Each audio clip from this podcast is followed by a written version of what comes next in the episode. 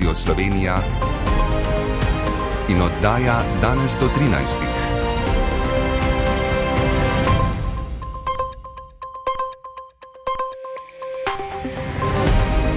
Ura je 13.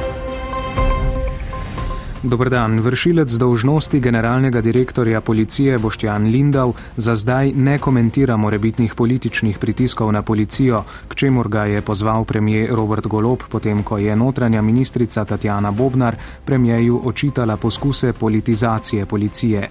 Se je pa odzval državni sekretar na notranjem ministrstvu Branko Lobnikar, ki v premijejevem pozivu ne vidi nič spornega, ob tem pa povdarja politika nikoli ne mora določati, kaj konkretno naj policija dela in kdo so ljudje, ki te stvari naj delajo.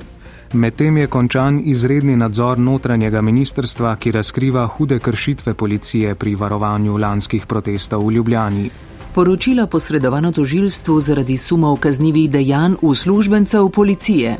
Brusel države Zahodnega Balkana poziva naj se odločijo, ali so na strani demokracije. Podjetje Piloti Koper zaradi izgubljenega dobička toži pod državo za 16 milijonov evrov. Popovdne bo precej jasno, po nekaterih nižinah bo megleno. Z vami sva Maja Mol in Blaž Pernat. Vršilec dolžnosti generalnega direktorja policije Boštjan Lindav ne želi komentirati poziva premijeja Roberta Goloba v zvezi z domnevnim političnim pritiskom na policijo v času te vlade, bo pa odgovoril na nj. Medtem znova odmeva ravnanje policistov med protesti iz obdobja prejšnje vlade. Portal 24 ur je namreč pridobil končno poročilo o izrednem nadzoru. Podrobneje Gregor Budal. Premijer Robert Golob se je po včerajšnjem srečanju z notranjo ministrico Tatjano Bobnar na temo očitkov o poskusih politizacije policije obrnil še na prvega policista Boštjana Lindava. Odgovor pričakuje jutri. Lindav je bil v prvem odzivu kratek. Ta trenutek tega ne bom komentiral, bom pa pripravil odgovor v skladu z zakonom. Na to temo je za naš radio spregovoril tudi državni sekretar na notranjem ministrstvu Branko Lobnikar. Kot je dejal ob robu državne konference o varnosti v lokalnih skupnostih v celju, v pozivu premijeja ne vidi nič slabega. Popolnoma normalno je, da predsednik vlade, ki vodi vlado Republike Slovenije in je katerega del je tudi Ministrstvo za notranje zadeve, pričakuje tudi od organov v sestavi, da poročajo o svojem delu in tudi o okoliščinah, v katerem to delo upravljajo. Zaradi tega v takšnem naročilu predsednika vlade ne vidim nič eh, narobe. Marsikaj pa je šlo na robe v ravnanju policistov s protestniki v obdobju vlade Janeza Janše. Kot poroča portal 24 ur, ki je pridobil končno poročilo o izrednem nadzoru o tem, ki so ga pripravili na notranjem ministrstvu, so bile ugotovljene tako sistemske kot posamične nepravilnosti. Med drugim so ugotovili nesorazmerno, neutemeljeno in nestrokovno uporabo prisilnih sredstev. Sporna je bila uporaba vodnega curka s primesjo plinskih sredstev proti posameznikom, ki niso huje kršili javnega reda. Ugotovili so še neprimerno komunikacijo policistov ter prirejanje vsebine dokumenta o uporabi prisilnih sredstev. Vodja direktorata za policijo in druge varnostne naloge Slavko Koroš je dejal, da gre za najzahtevnejši in najbolj obsežen nadzor, ki ga je opravil doslej. Poročilo na 161 straneh so poslali tožilstvu zaradi sumov kaznjivih dejanj uslužbencev policije. Danes do 13. V Tirani poteka vrh držav Evropske unije in Zahodnega Balkana, prvič v eni od držav regije. Voditelji unije so po ruskem napadu na Ukrajino Zahodnemu Balkanu namenili več pozornosti. Tudi danes bodo povdarili geostrateški pomen tega območja, še zlasti po ruskem napadu na Ukrajino. Iz Tirane Boštjan Anžin. Evropska pot držav Zahodnega Balkana je zastala, navdušenje nad Evropsko unijo splahnelo. Predsednica Evropske komisije von der Leyen in predsednik sveta EU Mišel sta prepričana, da gre za odločitev, ki je ključna za mir in stabilnost regije in celotne Evrope. Simbol tesnejšega povezovanja je bil podpis dogovora o zmanjšanju stroškov mobilnega gostovanja med Evropsko unijo in mobilnimi operaterji na Zahodnem Balkanu. A pred unijo so še bolj ključne odločitve. Vizna liberalizacija, na katero Kosovo čaka že leta, ta država pa namerava do konca leta zaprositi tudi za članstvo v Uniji. Slovenija želi, da do konca leta zeleno luč za začetek pogajanj dobi tudi Bosna in Hercegovina, premijer Robert Golob. Zato, ker se je začel na Zahodnem Balkanu širiti ta geopolitični konflikt, eh, tudi znotraj posameznih eh, držav. To je zdaj prepoznano. Prepoznano je, da je integracija znotraj Evrope pomembna ravno za stabilnost Evrope v vseh pogledih. Migracijska kriza, ki je v zadnjem času moče najbolj aktualna, je samo eden od teh aspektov, ni edini. Podobno velja za energetsko krizo in vse te krize lahko učinkovito naslovimo samo skozi integracijo z evropskimi inštitucijami. Pomembna tema bodo migracije, saj se je število nezakonitih prehodov mej na balkanski poti strmo povečalo. Unija pričakuje uskladitev vizne politike. Spet bo sledil tudi poziv k uskladitvi zunanje in varnostne politike, pri čemer od Srbije pričakujejo, da bo uvedla sankcije proti Rusiji. Morate se odločiti, na kateri strani ste. Ali ste na strani demokracije, torej Evropske unije, vaših prijateljev in partnerjev, ali pa želite po drugi poti, je dejala predsednica Evropske komisije Ursula von der Leyen. Srpski predsednik Aleksandar Vučić pa je dejal, da Srbija ostaja na evropski poti, glede domnevno pretesnih odnosov z Rusijo pa da je njegova država neodvisna, da odloča samostojno. Kosovska predsednica sicer meni, da je v tem trenutku stati na pravi strani zgodovine najmanj, kar lahko storijo. V Avstriji so doslej porušili vse šotore za prosilce za azil, ki so jih v zvezdnih deželah postavili v zadnjih dveh mesecih. Problematika z nastanitvami imigrantov pa ostaja. Na to so med drugim solidarnostno akcijo v špiljah v Avstriji opozorili tudi predstavniki civilne družbe in kulturniki, poroča Petra Kozgnamuš. V Zgornji Avstriji so v minulih dneh odstranili še zadnje šotore za prosilce za azil, ki so jih postavili v mesecu oktobru. To se je zgodilo tudi v ostalih zvezdnih deželah.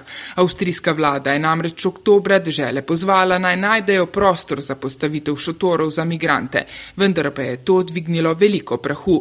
Ponekod so zdaj na mesto šotorov azilantom našli druge nastanitve, vendar pa prostora za prosilce za azil še vedno primankuje. V avstrijskem špilju na meji Slovenije v sprejemni varnih šotorih na namestitev še vedno čaka okoli 150 prosilcev za azil. Na težke razmere so minuli konec tedna tam opozorili avstrijski umetniki in civilna družba. Pripravili so solidarnostno akcijo z naslovom sobe na mesto šotorov. Begunce pesti lakota, temperature se nižajo, nimajo ustrezne zdravstvene oskrbe. Organizatori solidarnostne akcije so zato zahtevali ustrezno namestitev. Nekateri prosilci za azil na njo čakajo že več kot dva tedna. Med medtem vlada države še vedno poziva naj zagotovijo dodatne nastanitve. Avstrija je v prvih desetih mesecih obravnavala skoraj 90 tisoč prošen za azil, kar je več kot v begunskem valu leta 2015. Še vedno ustraja tudi pri nadzoru meje. Novembra je nadzor podaljšala na meji Slovenijo, Slovaško in Mačarsko. Finančni ministri Evropske unije v nasprotju s pričakovanji danes na zasedanju v Bruslju po neuradnih informacijah niso glasovali o predlogu Evropske komisije, da se Mačarski zamrzne 7,5 milijarde evrov zaradi nespoštovanja vladavine prava. Ministri so sicer razpravljali o predlogu komisije, ki je nastal na podlagi ocene ukrepov Mačarske do 19. novembra, vendar naj bi odločitev preložili. Nekatere članice namreč menijo, da je treba upoštevati tudi ukrepe, ki jih je Budimpešta sprejela po 19. novembru in ki naj bi zagotovili, da evropski proračun ne bo ogrožen zaradi nespoštovanja vladavine prava. Avstrijski finančni minister Magnus Brunner. Um Vladavino prava je potrebno spoštovati in v tem primeru gre tudi za denar evropskih in ne nazadnje avstrijskih davkoplačevalcev. Zato mora biti ta denar porabljen v skladu s pravili. O morebitni zamrznitvi sredstev, kot jih predlaga Evropska komisija, morajo finančni ministri odločiti do 19. decembra. Po vrsti ruskih raketnih napadov, v katerih so bili ubiti štirje ljudje, si v Ukrajini prizadevajo vnovič vzpostaviti oskrbo z električno energijo po državi. Po navedbah ukrajinskih oblasti so poškodovane številne elektrarne in razdelilne postaje v osrednji Ukrajini in na jugu države. V prihodnjih dneh naj bi ostala brez elektrike približno polovica regije Kijev. Iz Kremlja so danes poročili, da se strinjajo z Združenimi državami glede potrebe po trajnem miru v Ukrajini, vendar za zdaj ne vidijo možnosti za pogajanja, saj bi morala Rusija prej izpolniti cilje svoje posebne vojaške operacije. Gre za odziv na včerajšnjo izjavo ameriškega zunanjega ministra Antonija Blinkna, da se bo konflikt v Ukrajini skoraj zagotovo končal z diplomacijo in pogajanji, ter da je potreben pravičen in trajen mir.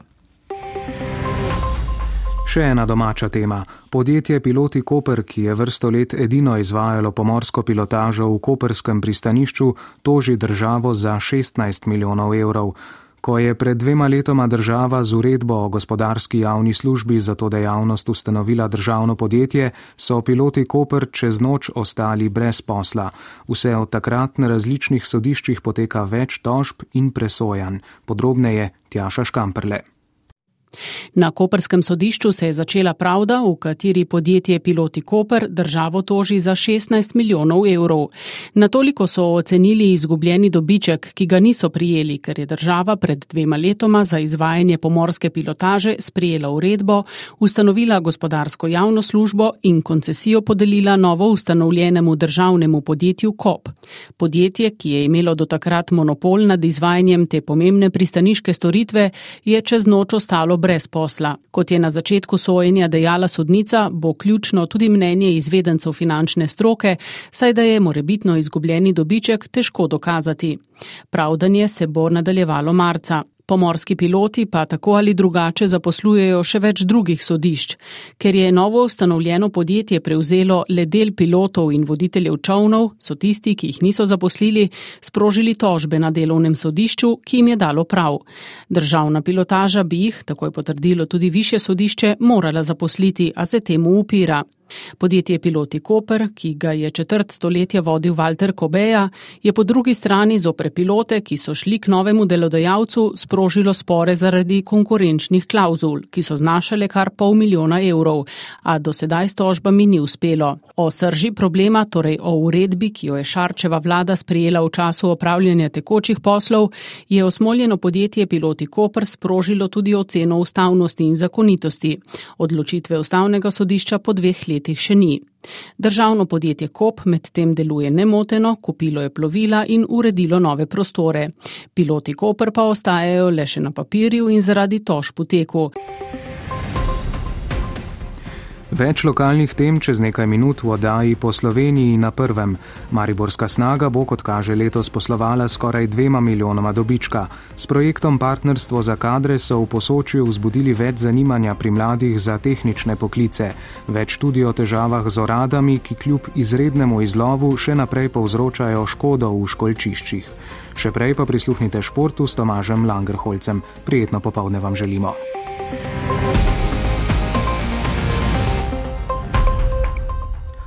Na svetovnem prvenstvu v nogometu v Katarju bosta danes na sporedu še zadnji tekmi osmine finala. Ob 16. uri bosta igrala Maroko in Španija, zadnjega četrt finalista pa bomo dobili zvečer. Ob 20. uri se bo začela tekma med Portugalsko in Švico. Včeraj sta bili uspešni Hrvaška, ki je po boljšem izvajanju 11 metrov premagala Japonsko, redni del tekme se je končal 1 proti 1, in Brazilija, ki je 4 proti 1 premagala Južno Korejo, kjer je po tekmi odstopil selektor Južne Koreje, sicer Portugalec. Paolo Bento. Slovenski košarkarski zvezdnik v Ligi NBA Luka Dončić je tokrat z Dallasom v domači dvorani gostil najboljšo ekipo zahodne konference Phoenix. Ob zmagi 130 proti 111 je bil Dončić s 33 točkami prvi strelec tekme. Na drugi strani Atlantika, v hokejski ligi NHL, pa je bilo po noči na sporedu šest tekem. Omenimo tekmo med Bostonom, vodilnim v Atlantski diviziji, in Vegasom, ki je trenutno najboljši v Pacifiški diviziji. Gostje iz igralniškega Las Vegasa so slavili po boljšem izvajanju kazanskih strelov s 3 proti 2. V kanadskem obračunu pa je Vancouver doma 7 proti 6 po podaljšku premagal Montreal. V noči na sredo pa bo znova na delu tudi Anžeko Peter, ki ga z Los Angelesom čaka gostovanje v Otavi. Nekdaj ena najboljših slovenskih odbojkaric in dolgoletna slovenska reprezentantka Iza Mlakar, ki je maja leta 2020 končala športno pot, se vrača na parket. Kot so na Instagramu zapisali pri Braniku, se 27-letna Korošica po dveh letih premora vrača v ekipo. Večer prinaša novo tekmo košarkarjev Olimpije v Evropskem pokalu. V Stožicah bodo ob 20. uri gostili nemški Ulam. Začeli smo z nogometom, pa še končajmo z najbolj pomembno postransko stvarjo na svetu. V domačem državnem prvenstvu bosta danes na sporedu uvodni tekmi 19. predzadnjega jesenskega kroga. Ob 14. uri se bo začela tekma Gorica Bravo, 4 ure kasneje pa v ljudskem vrtu še tekma Maribor Radomlje.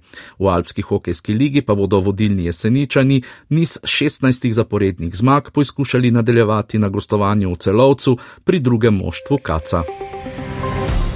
Poslušali ste oddajo danes do 13. urednica Natalija Moršič, voditelj Blaž Pernat, napovedovalka Maja Mol, tonski mojster Rok Kokošinek.